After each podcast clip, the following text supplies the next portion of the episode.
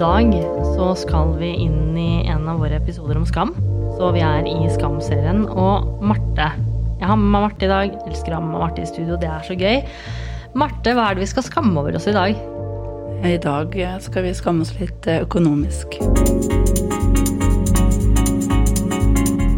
Vi har jo så mange skammer. Og, og vi kan skamme oss over så mye. Så i dag skal vi skammes litt over penger. Hva er det, hva er det du tenker på når du sier eh, økonomisk skam? Økonomisk skam, da kan være det å jage etter neste lønna. Mm. Jeg har opplevd så mye rart som har gått så skeis at eh, man eh, har kommet i en gjeldssituasjon. Mm. Um, noen er heldige, noen er ikke heldige. Noen sliter resten av livet. Mm. Har du noen egne erfaringer eller noen historier som du kan dele som, som du har kjent på og møtt på når det kommer til økonomisk skam? Ja, jeg har eh, fått strømmen min stengt i november-desember måned med to barn i huset, og skal få, få ting til å gå uten at resten av familien får vite om det. Fy fader, åssen åssen var det? Kan du, altså, for der sitter du med barn, og så blir strømmen stengt, og så tenker du at Hva tenker du da? Det som var til oss der, var at vi kom hjem til mørkt hus og forsto at da var det ikke noe strøm. Mm. Så en gang så fikk vi låne skjøteledning til naboen, så vi fikk eh, strøm til det vi måtte ha. Og så tente vi opp i eh, vedovnen, og så dro vi og handla bøttevis med stearinlys eh, på Ikea, så det så ut som noe lys i huset. Ja. Eh, Den andre gangen, da tok jeg en telefon til mamma. Og så sa jeg det at uh, nå har det gått litt skeis. Så nå har vi fått strømmen stengt og trenger litt hjelp fordi at de åpner det ikke i kveld, men i morgen. For det er ikke sånn at de åpner opp Eller da åpna de ikke opp med et eh, tastetrykk. Det tok litt tid, så da måtte du bare sitte i det. Men hva, hva er det som gjør at du skammer deg over å havne i den situasjonen? Det er jo det at du Du er ikke lik resten av samfunnet. Du havner litt eh, nedom og blir et utskudd som ikke får til ting, ikke har penger nok. Ja. Nå eh, I det siste året så har det jo vært veldig mye sånn med folk som sliter med strømmen og sånne ting. Ja, I hvert fall nå det siste. Ærlig, Ja. Strømprisene har jo vært helt uh, ville. Men før det kom eh, opp i lyset og ut på marka, så ja. Men vi Jeg skjemtes. Det var flaut. Men er det, er det forventningene rundt noe som gjør at du skammer deg over det? For, fordi første gangen så ba du ikke om hjelp. Nei. Bare løste det ved å, ved å finne andre måter å gjøre det på. Ja. Men andre gangen så ba du jo faktisk om hjelp, og det er jo bra. Og, Det, det, var et, det var en vei å gå for å finne ut at nå må jeg. mm. Ja. Det er jo det at du, du vil jo ikke være noe dårligere enn andre. Nei, ikke sant. Men er vi dårligere enn de andre, da? Hvordan er de andre? Eh, Man er jo ikke dårligere enn andre, eh, nødvendigvis. Nei. Eh, Man har jobb, man fungerer i hverdagen. Men så skjer det uforutsette ting som gjør at eh, ting blir litt eh, strammere økonomisk. Men for det vil si liksom, eh, vil jo være som alle andre, men hvordan er alle andre, da? Eh, A4, da har du mat på bordet, strøm i veggen, skulle jeg si. Strøm inn. Du har eh, nok til å finansiere alt du har av faste utgifter og mer til. Og så har du mulighet til å Eller du har mulighet til å reise til Syden når det passer deg, ha fri når det passer deg. Det er, sånn, det er dem som kommer frem, da. Dem som reiser hele tida og har eh, mulighet til å dra og kjøpe seg eh, allværsjakke til 3000 kroner. Men hva er det her? Hvordan, hvordan havna vi her, egentlig? Fordi, herregud. Altså, jeg har jo ikke det. Jeg, har jo, altså, jeg er jo en karrierekvinne Ja. og har jo egentlig en god inntekt. Eh, men jeg drar jo ikke og kjøper meg allværsjakke, og jeg har jo ikke vært i Syden en dag i mitt liv. Eh, men ja, jeg også har jo følt på de tingene der. At jeg, fader, jeg burde ha gjort sånn som alle andre gjør. Men hvordan, hva er det som skaper de her forventningene, eller uttalte forventningene, som, som gjør at vi ikke klarer å be om hjelp når vi havner i så vanskelige situasjoner? At vi istedenfor setter oss ned og skammer oss over det? Det er jo inntrykket av at man ikke skal være dårligere enn andre. Ja, Men hvor kommer det inntrykket fra? Hva er det vi Fra det driver med? man leser rundt omkring. Men Slutte å skrive om det her, da. Ja, Men slutte å lese om det. Nei, egentlig. Det. Slutt å lese nyheter, folkens. Vi blir bare ulykkelige av det. Men så er det å jage etter å ha utdannelse. Og så er det jaget etter å få en bra jobb. Jeg er jo karrierekvinne, jeg òg. Har jo masse å holde på med. Men jeg ligger i det lavere sjiktet på lønnsutbetalingene per måned. Så eh, i en periode så har jeg ligget under eh, den satsen som er satt for lavest inntekt i Norge. Og når det da baler på seg og ting og tang, så går det ganske fort. Og jeg skjønner fort, eller jeg skjønner ganske godt det, det som den fortvilelsen til folk som, er, som sitter i situasjoner nå, som ikke får til å betale strømregningene fordi de plutselig har gått fra 2000-3000 til 10 000-15 000. For mange så er jo det hele lønna. Ja, det er helt, det er jo helt sykt. Men, men hva var den største fortvilelsen for deg i den situasjonen der? Eh, Det var å ikke kunne levere det som jeg skulle ha levert til ungene. Ja. Og de kunne ikke få et varmt bad. De fikk ikke Vi kunne ikke lage noe mat. Det var ikke noe TV. Det var ikke noe Det var liksom stummende mørke. I november er det ganske mørkt. Ja, november i Norge er eh, ganske hard. altså November og desember. Jeg tror det er en grunn til at vi har uh, putta jula akkurat den tida. Tenk Ja. om vi ikke hadde Tenk om vi hadde tatt sommerferie, da. Eller vinterferie. Ja, det har vært noe helt annet. Noe som skjedde. Bare Men sånn da er jo strømmen billigere òg, vet du. Så da Ja, blir det ikke så mye stengt. Nei, ikke sant. Men jeg tenker litt sånn eh, Jeg har jo ikke følt så mye på Altså, jeg, jeg, jeg skammer meg fryktelig mye. Eh, og det gjør jeg i så sykt mange situasjoner. Og jeg også har jo følt på at jeg burde hatt råd til, eller burde ha gjort annerledes. eller Kanskje prioritert pengene mine mer på en bedre måte, eller um, Men jeg har jo sånn sett vært, uh, vært heldig, for jeg har jo ikke havna i den situasjonen. Som du sier, da, det er jo ikke fordi at eh, noen er bedre stilt eller flinkere enn andre, men noen havner i vanskelige situasjoner, og så plutselig så er det ikke, strekker det ikke til. Nei. Det bygger jo bare på seg. Renta. Ja. Og hvordan fungerer det? For da er du ganske fortvila, da. For det er, ikke, det er jo ikke sånn at du plutselig bare kan dra inn 15 000 ekstra i måneden. Nei. Det er veldig få av oss som kan det. Men, men hva gjør du da? Hvordan, hvordan opplever du altså, Jeg vil ikke ha løsningen her, men hvordan opplever du å sitte i den fortvilelsen? Det, det blir altoppslukende. Um, det med strømmen var jo egentlig starten for vår del. Um, og så det, der bygga det på seg. Men når strømregninga begynner, og så skal du liksom Du, du driver med aktiv brannslukking, da. Fordi du egentlig ha, ikke har nok til å strekke til. Du får til å strekke til på en hel del. Og så er det alltid noen ting som blir igjen. Og så det neste måned så har det bygd seg, og så er det sånn Du må ta sånn eh, russisk rulett gjennom mellom regningene for å prioritere det som er viktigst. Og så må du prioritere der du kan sørge for at barna kan komme i barnehage Ja. eller SFO. Så ja. Eh, Jeg kommer fra et hjem hvor, hvor, hvor det har vært sånn. Uh, vært veldig harde prioriteringer, og, og det har nok gjort meg til en, en fornuftig person i forhold til det med økonomi. Men, men jeg har jo, jeg kjenner jo mange som, som sitter i samme situasjon. Men hvordan er situasjonen i dag, kan jeg spørre om det? Nå eh, valgte jeg for eh, ja, seks-sju måneder siden å flytte fra 170 kvadrat ned til 60. Ja. I den eh, strømperioden som var ganske heftig, tok jeg den øvelsen der. Eh, og har eh, I dag har jeg gjeldsordning, Mm. som jeg holder på å samarbeide og gjøre jobben min på. Mm. og har gjort det enklere for meg sjøl. Mm. For jeg flytta fra et sted litt ute på bygda til nærmere bussforbindelser, så da kunne jeg spare på drivstoff og bruk av bil. Og det hjelper. Så hvis man tar og gjør endringer da, som kan bidra på Det er ganske tøft å må stille om hverdagen sin, Mm. men det er fullt mulig. Mm. Men kjenner du på noe skam rundt det i dag? Nei, nå, tidligere så var det jo sånn at jeg ville ikke snakke om det var sånn hysj-hysj. Jeg, jeg syntes det var flaut hvis det var sånn ja, men du kan jo bare dra kortet. Så jeg bare ja, men jeg har ikke kort. Ja, men du kan bruke kredittkort. Så jeg bare sånn Nei. nei, jeg har ikke kredittkort. Eller eh, jeg syntes at, at telefonregningene mine var for dyr, så jeg skulle prøve å bytte til Ice.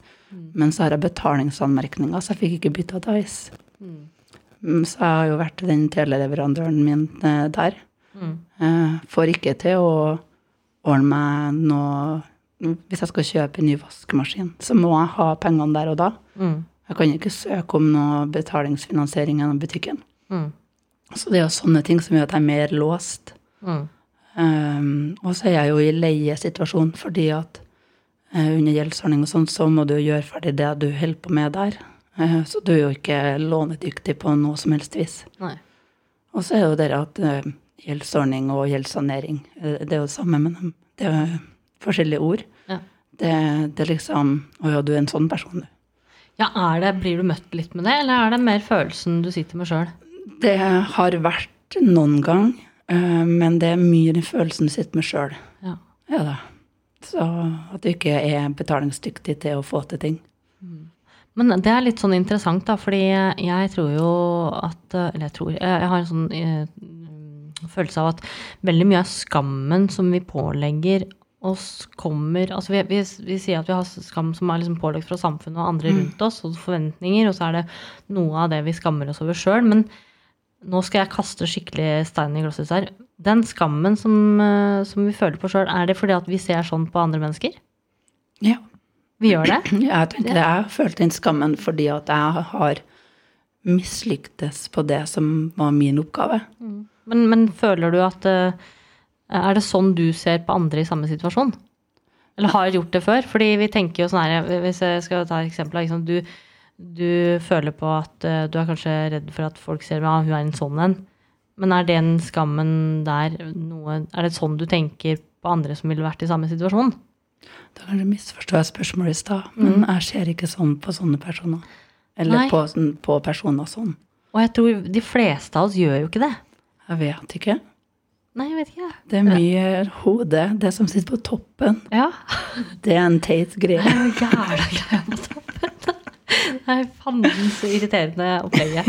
Den, den gjør at jeg sover dårlig. Eh, fryktelig mye dårlig søvn pga. at jeg har en greie på toppen her som ødelegger. Ja. Men jeg tenker sånn, jeg må jo være helt ærlig, da. Eh, og det er, ærlighet er noe av det vanskeligste vi Ja. har. Fordi vi snakker om at vi skal være ærlige, autentiske og hele mennesker. Eh, og jeg elsker jo autentiske og ærlige mennesker, men, men å være helt 100% ærlig med seg sjøl, det har jeg gjort eh, en del øvelser i det siste året, og det har vært noe av det tøffeste jeg har gjort. ja. Jeg har aldri eh, møtt meg sjøl i døra og, og hata så mye og hatt det så tøft som når jeg har liksom sittet og vært ærlig med meg sjøl. Fordi jeg oppdager sider ved meg sjøl som jeg ikke liker. Mm. Jeg bare Hvem faen er det mennesket her? Fordi jeg, jeg liksom har- ble jo singel for eh, snart eh, to år siden. Og, og liksom sitter jo da eh, som 37-åring og har liksom alle muligheter til å finne deg sjæl, da. Som man jo gjerne gjør. Eh, Og det er jo en klisjé, men det er en klisjé fordi at det virker. Og så skal du begynne liksom å sette deg ned og, og finne ut hvem er jeg? Eh, Etter alle disse årene med samboer og barn og, og all, all, hele den familiebøtteballetten. Og så oppdager jeg liker ikke familielivet. Jeg syns ikke det er gøy i det hele tatt. Jeg, jeg syns ikke det er morsomt. Jeg Jeg liker det det det er ikke. fint. Ja, Jeg jeg liker det jo ikke. Nei. Og fy fader, så vondt det var å innrømme. Fordi jeg skamma meg så innmari over det. Ja, ikke sant? Fordi det betyr jo ikke at jeg ikke liker barn. Nei, nei. Jeg liker jo barn. Barn er morsomt. Jeg vil bare ikke ha de oppå meg hele tiden. Nei. Jeg vil ikke ha egne.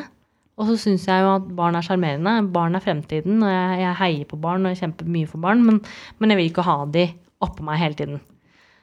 Og jeg skamma meg så jævlig når jeg oppdaga at vet du hva, jeg, jeg, jeg, liker ikke det her. Mm. Jeg har gjort det her i så mange år. I størsteparten av mitt voksne liv har jeg levd et familieliv, og jeg liker det ikke. Nei. Jeg jeg mistrives så innmari, og jeg jeg føler meg som en egoist når jeg skal ærlig innrømme det.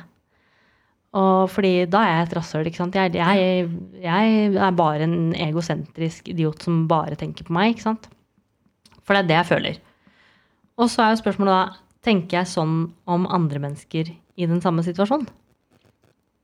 Og så må jeg tenke litt sånn her, vet du hva, noen ganger så gjør jeg faktisk det.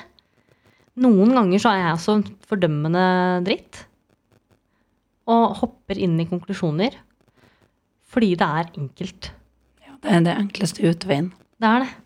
Og det er jo så jækla um, kjipt og pinlig å innrømme. Men samtidig så er det noe med at eh, Jeg tenker jo sånn, da, at eh, vet du hva eh, Når folk havner i situasjoner og økonomiske eh, vanskeligheter, så har jeg innimellom tenkt Ja, vet du hva, når de ikke klarer å passe på oss så til pass, ikke sant. Ja. Og det er jo der min egen skam kommer fra i mange tilfeller. da, Fordi jeg møter meg sjøl så jævlig i døra. Og jeg tør jo ikke å innrømme det. I hvert fall ikke høyt. Foran noen andre. ikke sant? Så Derfor så sier jeg det på en podkast for hele Norge. Ja, ja. Så, men, men, men jeg tror jo det at hvis vi ikke tør å si disse tingene her om hva vi egentlig innerst inne tenker, og at vi faktisk møter oss sjøl i døra, og at det er jævlig tøft å være ærlig, ikke overfor alle andre, men overfor seg sjøl, så kommer vi ikke til å endre på noe heller. Fordi jeg tror jo Altså, jeg har skamma meg for at jeg kjører en crappy bil når jeg har en karriere og en, en god lønn. Og så Hvorfor det? Jo, fordi at jeg er faktisk eh, litt opptatt av status, da. Og det er jo Det skal man i hvert fall ikke være.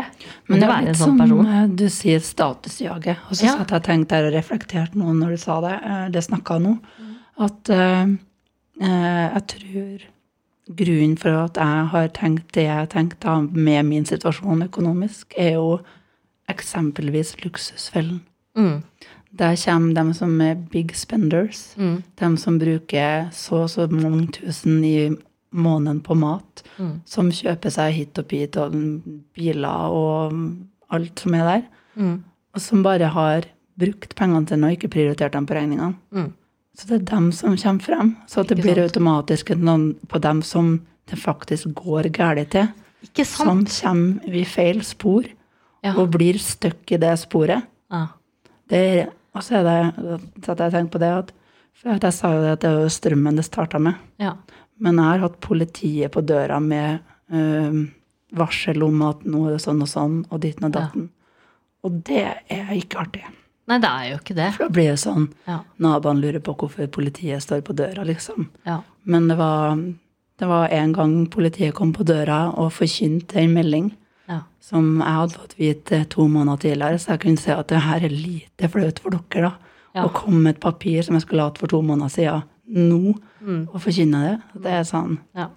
Så, men derfor velger jeg å Eller jeg har kommet dit nå at eh, jeg har ikke noe å skjemmes over, sånn sett. Det har vært en stor skam. Mm. Men eh, jeg jeg er ferdig med det. Jeg er i prosessen på å rydde opp og få hjelp til å få fiksa det. Ja. Jeg var den som havna i feil spor. Mm. Jeg har ikke vært noen big spender. Nei, for det, det er noe med Det er ikke meningen å avbryte deg, men det er noe med det der at det, hva er det vi får fram i media? ikke sant? Jo, det er jo disse her som faktisk sløser, da. Det er liksom ufornuftig bruk, ikke sant. Og så, og så kommer jo øh, de av oss som ikke sløser, og som har barn, og som på en måte strever med å få endene på møtet, så er det en uforutsett ting, da. Som gjør at øh, lasset bikker, og så kommer du bakpå, og da kommer du deg på en måte aldri Ja. opp igjen. Og det er jo det som er Det kommer jo ikke fram. Fordi det kommer jo ikke inn i luksusfellen. Du kan ikke, det er jo ikke luksus som har vært problemet her. Ikke sant? Det er ikke luksusforbruk. Det er jo bare helt. at noe skjedde, ikke? Og, så, og så fikk man en utforutsett høy utgift som man måtte håndtere, og så rulla ballen bare videre derifra. Mm. Men det med Det gjør jo noe med det inntrykket, da. Og den måten vi ser på eh, de som er i den situasjonen. Mm.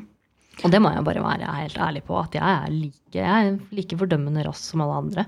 Jeg er ikke noe bedre sånn. Og det er drittvondt å stå og se eh, meg sjøl i speilet og liksom være ærlig på at vet du hva, det Jeg tenker faktisk sånn. Uh, og, og vi må jo begynne med oss sjæl, da. Må vi Ja. ikke det? Helt sant. Eh, Jeg fikk jo Det er en ting som har plaga meg sånn etter samlivsbruddet. For jeg fikk en eh, telefon en gang der det var varsel om at eh, nå har jeg sendt bekymringsmelding til barnevernet på deg. Uh, og så var det litt sånn bla, bla, bla. Så det jeg ja, men barnevernet, barnevernet får bare komme. Vi kan ta en kaffekopp og ha en hyggelig prat. Og så fikk jeg høre det at jeg skulle aldri ha gått ifra mannen min. For at vi kom aldri til å klare oss hver for oss fordi at vi var så deep inn i ting og tang. Ja. At vi, vi, vi skulle ha vært sammen til ting og vært ferdig. Ja. Og den var sånn Ok, så det er den oppfatninga at jeg er avhengig av han, og han er avhengig av meg. Så har jeg jo og også der jobba for å motbevise det at jeg er ikke avhengig av noen for å klare å rydde opp i å komme meg ut av en situasjon. Men er vi da inne på anger og skyld? Skyld og skam? Anger, skyld og skam. Nå snakker vi om tre ord som er liksom går litt inn i hverandre, føler jeg. Ja, det virka nå nesten som at uh, den personen som tok kontakt med meg, skulle gi meg skylda fordi at situasjonen var sånn som den var. Ja. At uh, jeg kom ikke til å klare det å fungere hvis jeg ikke var sammen med, med mannen min. Vil du si at du har fått like mye skyldfølelse eller skam av andre som du har liksom følt på sjøl uten andre? Eller sier folk liksom direkte til deg at dette her burde du ha det er din skyld, du burde gjort eh, noe med Jeg har det, fått skal- hørt av nærmeste at det her skulle jeg ha gjort noe med tidligere. Eh, Da er det gjerne de som ikke har innsikt inn i husets fire vegger. Men mye av det er veldig mye sånn uh, Du danner deg tanker av det du ser og hører. Hashtag luksusfellen. Mm. At uh, ok. Mm. Jeg prøver liksom å utfordre meg sjøl litt da, når jeg gjør den podkasten her, fordi at jeg skal være ærlig med meg sjøl. Og da må jeg tenke sånn der, legge alle mine egne fordømminger til side, og så tenke jeg være nysgjerrig. Så det er litt sånn Hva gjør den skammen med deg? Gjør den deg altså Blir man litt handlingslamma? Hva er det som er årsaken til at du ikke gjorde noe tidligere? Du blir litt satt ut. Mm.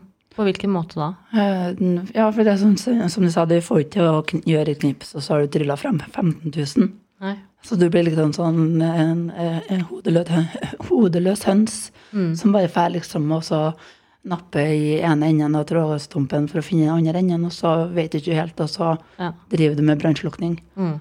Så man får litt panikk, og så vil man ikke at noen andre skal finne ut av det, så du setter på deg et, eh, et skjell, og så Mm. fortsetter du, og så prøver du å cope med ting hjem. Mm.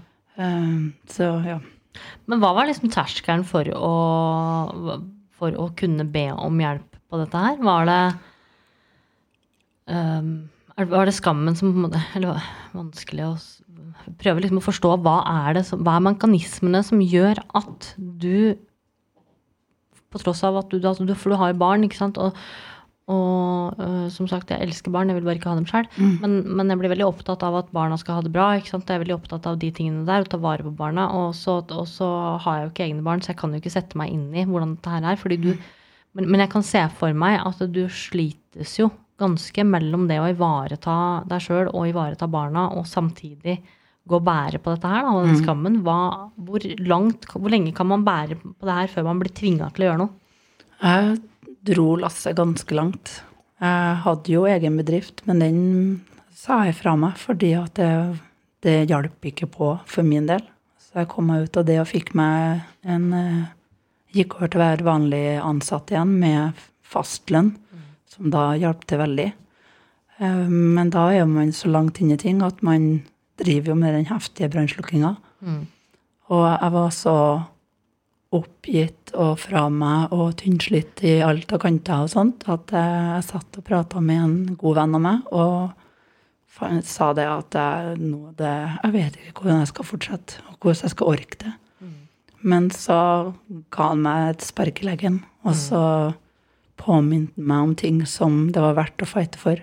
Mm. At uh, istedenfor å gi opp, så må du tenke på at du har uh, unger som er, er avhengig av deg, og det er jeg jo klar over. Og ungene mine setter jeg jo høyest overalt. Mm. Og jobber for det. Og så er det liksom mine fremtidige drømmer og planer. Hvis jeg gir opp nå, så er det jo bare å si ha det bra til dem. Mm. Og det var det som var mitt turning point. Mm. Så da begynte jeg jo å Jeg gjorde kanskje feil vei, fordi at i, i de fleste kommunene så har man jo gjeldsrådgiver, og Nav har jo gjeldssystem som kan hjelpe deg, men jeg var ikke der. Så jeg var faktisk eh, Jeg gikk den veien og fikk hjelp av noen som jeg måtte betale. Mm. Så jeg lånte av familie for å få hjelp av dem, og det var dem som satte meg i kontakt med gjeldsrådgiveren i kommunen. Mm. Som da, og da rulla ballen Mm. og løsna opp mer og mer. Mm. Så, men det er jo en prosess. Du må jo eh, Det skjer noe noe i deg når du må gå med hatten i hånda Mm. og, gå og så si at jeg, nå har jeg fucka det. Mm. Jeg har gjort det langt ned Mm. og trenger hjelp. Mm. Det her er ikke ting som er bare gjort over ei helg, og så er alt er borte. Veldig rart det der um, hvordan det der fungerer. Jeg har to tanker i hodet nå. Det ene er um, uh, har du, Hadde du det sånn at du tenkte at dette her skal du få det til? Så det var liksom det som gjorde at du venta med å be om hjelp? For du hadde, du hadde det klart i hodet at det her skal du få det til, sjøl om det var fortvilende og du ikke så noen løsning? Mm. Så det var det som gjorde at du fortsatte? På sikt så har man jo det. Man har jo en viss oversikt, tror man. Mm. Men så er det gjerne et par tusenlapper ekstra. Så, og jeg hadde jo postkasseskrekk i tillegg. Postkasseskrekk? Ja. Ok, få høre. Eh, Fenomenet er noe som kom litt mer opp i media for noen år siden. Eh, Men det er det at du vet at den er der, du vet hva som kommer, Mm. og så lytter du å åpne den. Ja. Der og, ja. ja. Så der og var det det at eh, det var i den prosessen der, og da alt begynte å rulle for min del, at eh, jeg tok prat med stefaren min, så sa jeg det at sånn og sånn er det, den postkassa der, den er skummel. Mm. Så det var postkassa, og så var det ukjente nummer og telefonnummer som jeg ikke kjente igjen. Mm. Det var største skrekken. Men det her er noe som utvikla seg liksom etter hvert som den Ja. økonomiske krisa bare ble større og Ja. større? For du hadde ikke det før? Nei. Nei. Mm. Så stefaren min tok med seg en stor pose, Ja. og så kom han hjem til meg og tømte postkassa vår. ja. Og så ble jeg med han, og så gikk vi gjennom alt. Og det var Mm. ja, kanskje 20 da, Ja. av hele den bunken var relevante regninger. Ellers så var det reklame og ja. masse tull. ja. Så Åh, det er jo det er sånn der eh, utrolig å liksom gå litt dypere inn i det og se hva, hva det her kan føre til. Da, ikke Ja. sant? Fordi det ene baller jo på seg med det andre. ikke sant? Og du, du har i utgangspunktet vanskeligheter og, og en skam for den økonomien, og så begynner du å få sånne redsler og angster i tillegg da, mm. for ting som jo egentlig ikke er farlig. Altså, Den postkassa har jo ikke tenner, den kommer jo ikke til å bite. Men Nei, det er nei, klart at redselen for det som er i der, og det potensialet med de, tingene som du må håndtere, er jo ganske Jeg ser og jeg skjønner at den blir eh, stor, da. Og så tenker man, hva tenker postmann Ja. når han åpner postkassa, og det er sånn du må trykke ting nedi. Og det var jo en periode at postmannen hadde begynt å henge en egen pose utafor postkassa for å ha posten oppi. ja, ikke Og det er jo sånn Ja. Men der igjen, det har jo vært et par ganger opp gjennom årene at uh, uh, det har kommet frem at folk har uh, avslutta Mm. fordi at ting er så tragisk. Mm. Og jeg kan relatere meg. Mm. Du Ja. er så desperat og fortvilt. Ja. Og så er det jo noe med at eh, ikke sant, i hvert fall for, for din del, eller de, eh, veldig mange, de aller fleste av oss har jo barn. Um, og da er det noe med at du føler jo på at du ikke klarer å, å gjøre den jobben eh, som forelder, og dekke det ansvaret du har, ikke sant, og, og ta vare på de barna. Og den kan jeg jo skjønne at det blir ganske heftig, da. Det er ganske Du må si nei til å være med på Leos eller kino Mm. eller bursdager eller Ja. Mm. Og den, eh, det der har vi jo sett i media, at det der bare eksploderer på hvor, hvordan kravene er på Ja. å liksom dekke barnebursdagsbehovet. Det blir jo bare større og større. Det var, jeg husker da jeg var liten, så var det liksom hjemme i stua um, hos bestemor, og, og hun hadde lagd gelétog. Og så var det wienerpølser i lompe, og uh, hvis vi var innmari heldige, så var det Grandiosa. Det, da var det, det var hele greia. Jeg tenker at jeg skal gjøre det på 40-årsdagen min. Jeg skal ha sånn der barnebursdagslunsj. Du jeg er med på den, altså. Du blir med? Med Ja. ketsjup. Med ketsjup. Grandiosa med ketsjup. Grandiosa med ketsjup, og så sånn uh, gelétog. Og så blandebrus. Blandebrus, ja. ja. Ja. Uh, og så skal det være bak det gelétoget. På et bord som er litt høyere, så barna ikke når det opp, skal det være geléshotter. Ja. Så starter vi med. Og da skal det ikke være noe skam. Det skal være helt enkelt. Alle skal, alle skal få. Alle kan være med. Og ja, vi skal ikke lage noe økonomisk Alle skam. skal få. Alle skal få. det er nok til alle. Det er det absolutt. Ja. Uh, vi, det er herlig at vi kan eh, endre samtalen sånn. Ja.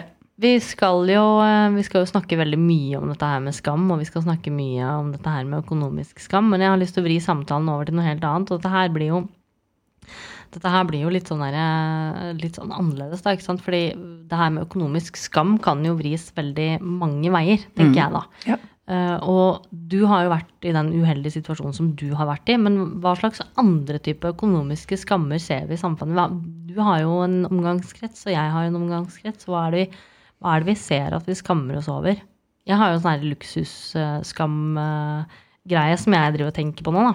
Okay, da må du definere. Ja, nei, altså det er jo eh, Hvis vi eh, beveger oss litt andre kretser, kretser hvor, hvor man tradisjonelt vet at her tjener man godt med penger, og, Ja. og det, er, eh, det er liksom en kultur for at eh, det her skal du kjøre standsmessig og bo standsmessig. Og Cash is king. Cash is king. Ja. Eh, og da tenker jeg at um, da er vi jo liksom litt tilbake til det å se oss sjøl i speilet og se litt på hvilke verdier er det vi egentlig har. Og jeg har jo gjort det. Um, og oppdaga jo at de verdiene jeg trodde had, jeg hadde, de hadde jeg jo ikke. Uh, fordi jeg har liksom alltid tenkt liksom, ja, menneskeverd og likeverd, og vi skal ta vare på hverandre, og veldig sånn sosialdemokratisk, ikke sant. Og så når jeg da blir singel og ser meg sjøl i speilet og virkelig Nå skal vi stikke fingeren i jorda og være ærlige, bitches. Uh, oppdager at jeg er en, jeg er en fitte. jeg liker jo ikke det jeg ser i det hele tatt. Men, men, så er det noe med at det, det så Altså de verdiene som jeg har hatt, har vært så innmari påtatt. ikke sant? Mm. Så det har gjort meg dypt, dypt ulykkelig. Mm. Og jeg er faktisk en person som er opptatt av økonomisk trygghet. Og det betyr jo ikke at jeg er opptatt av at jeg skal være rik. Selv om jeg kjenner at jeg syns jo ikke det hadde gjort noe heller. Det er målet mitt å, å bli ha, rik. Nei, ikke ha økonomisk trygghet. Ikke sant? Du har bufferkontoer, du ja. har ting til å klare mm. uforutsette. Ja.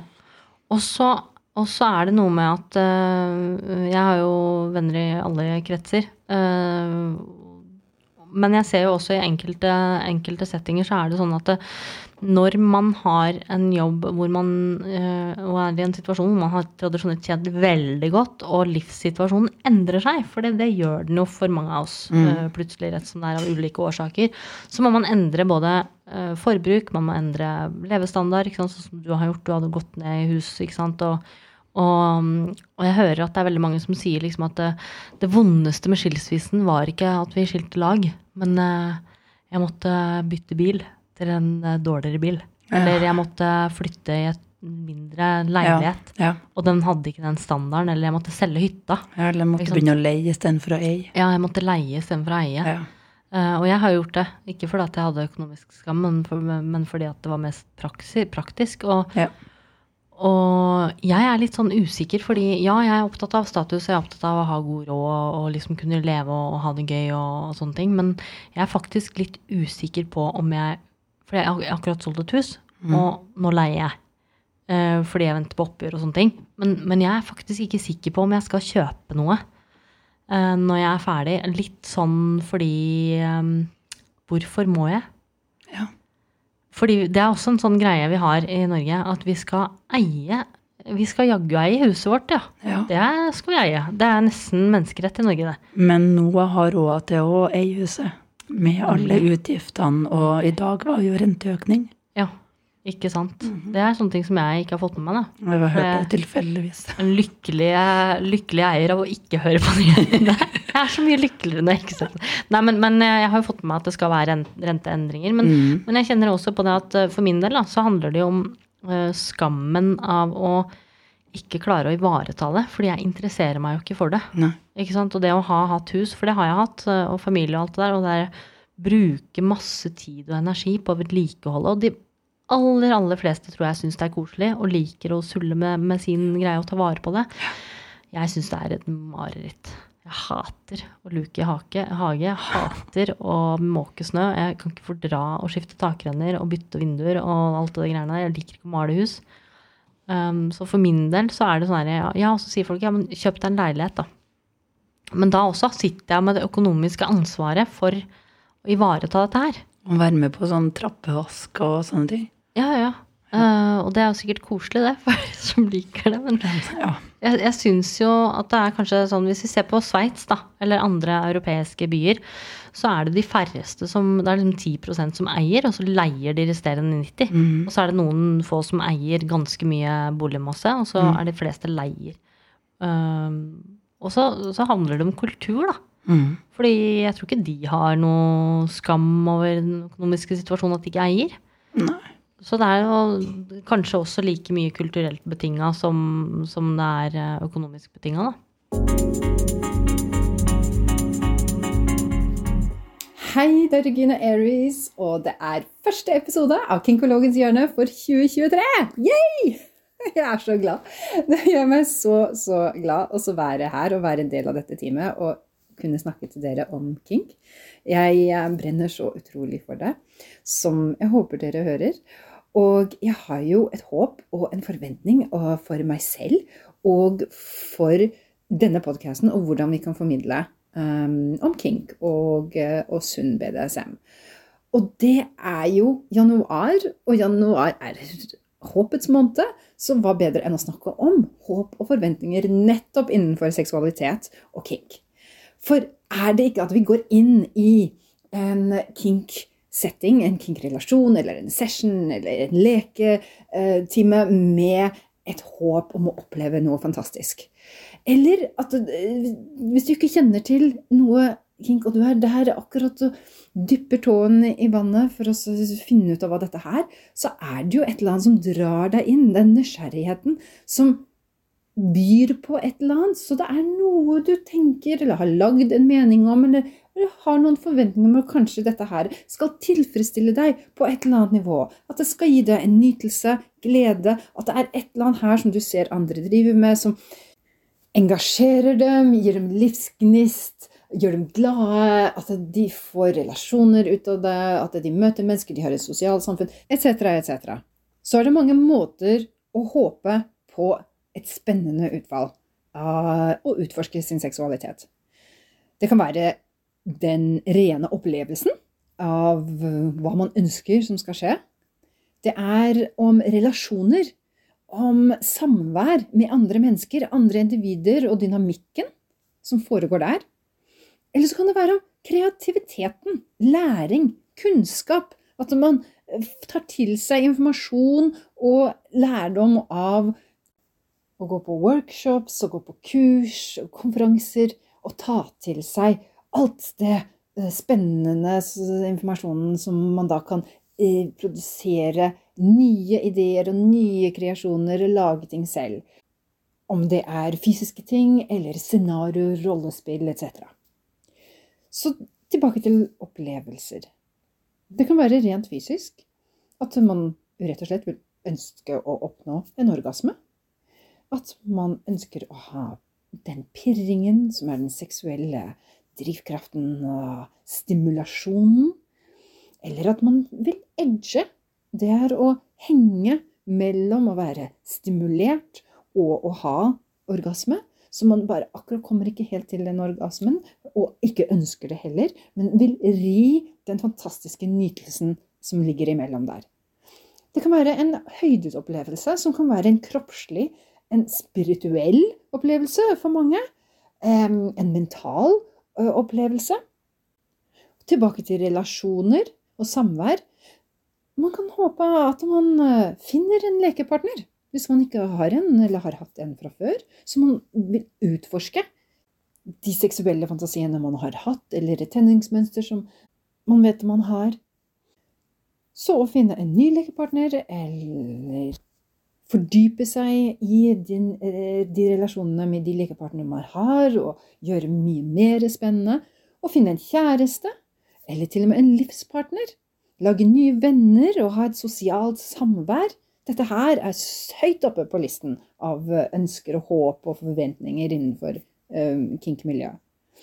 Og så er det jo disse forventningene som kan gå litt begge veier. Det er jo en fare med forventninger at vi bygger det opp så høyt at de egentlig blir ganske urealistiske. Og der må vi ta oss litt i nakkeskinnet og så kjenne på hva er det som er realistisk. Hva kan man fysisk egentlig gjøre, både med seg selv og med andre? Og det er både rent biologisk sett og lovmessig. Altså hva, hva er greit? Eh, hva er trygt? Hva er sunt? Hva er samtykkende? Vi skulle også gjerne ha ønsket at det vi tenker og ønsker skal skje til oss, eller vi vil gjøre med andre for å ha det gøy, at det er en selvfølge og forståelig for en annen person, eller den personen og de menneskene som man har lyst til da også leke sammen med. Men vi er ikke tankelesere. Det er ingen som kan se akkurat hva dine fantasier betyr, og hvordan du vil at de skal skje. Eller hvilket scenario som er det som trigger deg sånn helt perfekt. I den ideale fantasien så skjer jo alt akkurat sånn som du selv vil ha det. Alt er helt perfekt. Helt til den minste detaljen av hvem som gjør hva, når, hvor, hvordan, hvordan de sier det, i hvilken tonefall det blir sagt, og hva de har på seg, og hvilken lyssetting det er der er man jo herre i um, sin egen film og sin egen cesario. Og det er litt høye forventninger hvis det er det uh, man prøver også å gjenskape uh, helt til punkt og prikke. For det er ikke mulig. Men du kan komme utrolig godt nært. For det samme som når vi hører en historie, eller vi ser en film, vi er jo ikke i den situasjonen, men den fortellingen gjør noe med oss, fordi at vi setter oss inn i de følelsene, inn i den, eh, det bildet av hva som foregår. Og da kan vi oppleve det som virkelig for oss selv. Så vi kan håpe, vi kan ha forventninger, vi kan ønske oss masse gøy og godt og glede og godgrue seg til scenarioer. Så lenge vi har en finger i jorden og vet at det trenger også være innenfor trygge og realistiske rammer. Hva er, eh, hva er planene dine framover da, Marte? Um, Økonomisk? økonomisk så er det den stabiliteten som vi snakka om i stad. Mm. Å ha, ha bufferkonto, ha, ha sitte igjen med ekstra i måneden. Mm. Um, og, og kunne ha ting til overs, så at jeg kan ta med ungene på kino og gjøre litt, litt ekstra enn bare det vanlige rutinemessige i hverdagen. Mm. Um, jeg er usikker faktisk på om når jeg er ferdig, at jeg skal hive meg på og begynne å eie en leilighet. Jeg trives veldig godt i den leiebiten. Mm. Kanskje finne meg noe større å leie. Mm. Ungene blir jo større og har eh, lyst på egne rom og sånne ting. Mm. Men sånn som det er nå, så funker det. Mm.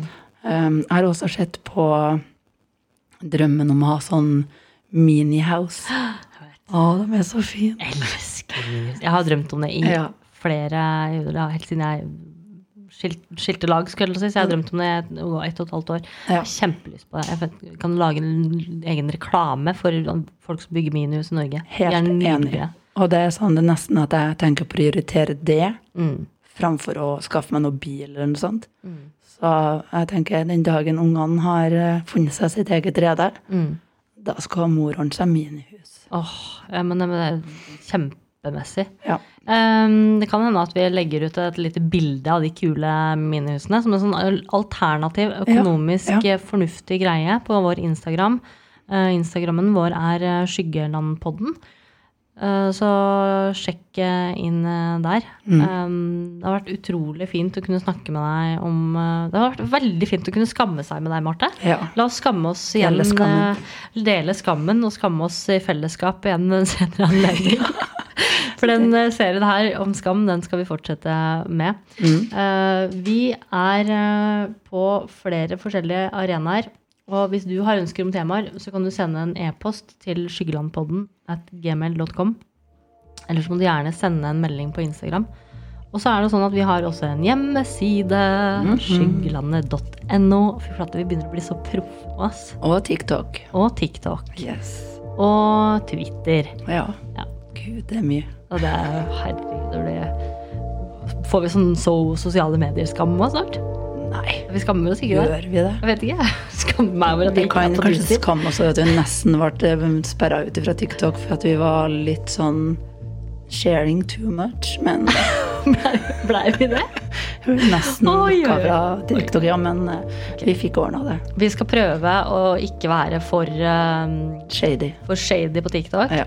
Uh, I mellomtida så skal jeg prøve å ikke skamme meg over at jeg ikke har Twitter. Men Skyggelandene har Twitter. Så Ja. Skyggelandet og Skyggelandpodden har Twitter. Så gå inn, se på oss, uh, hør på oss, og så ses vi neste uke.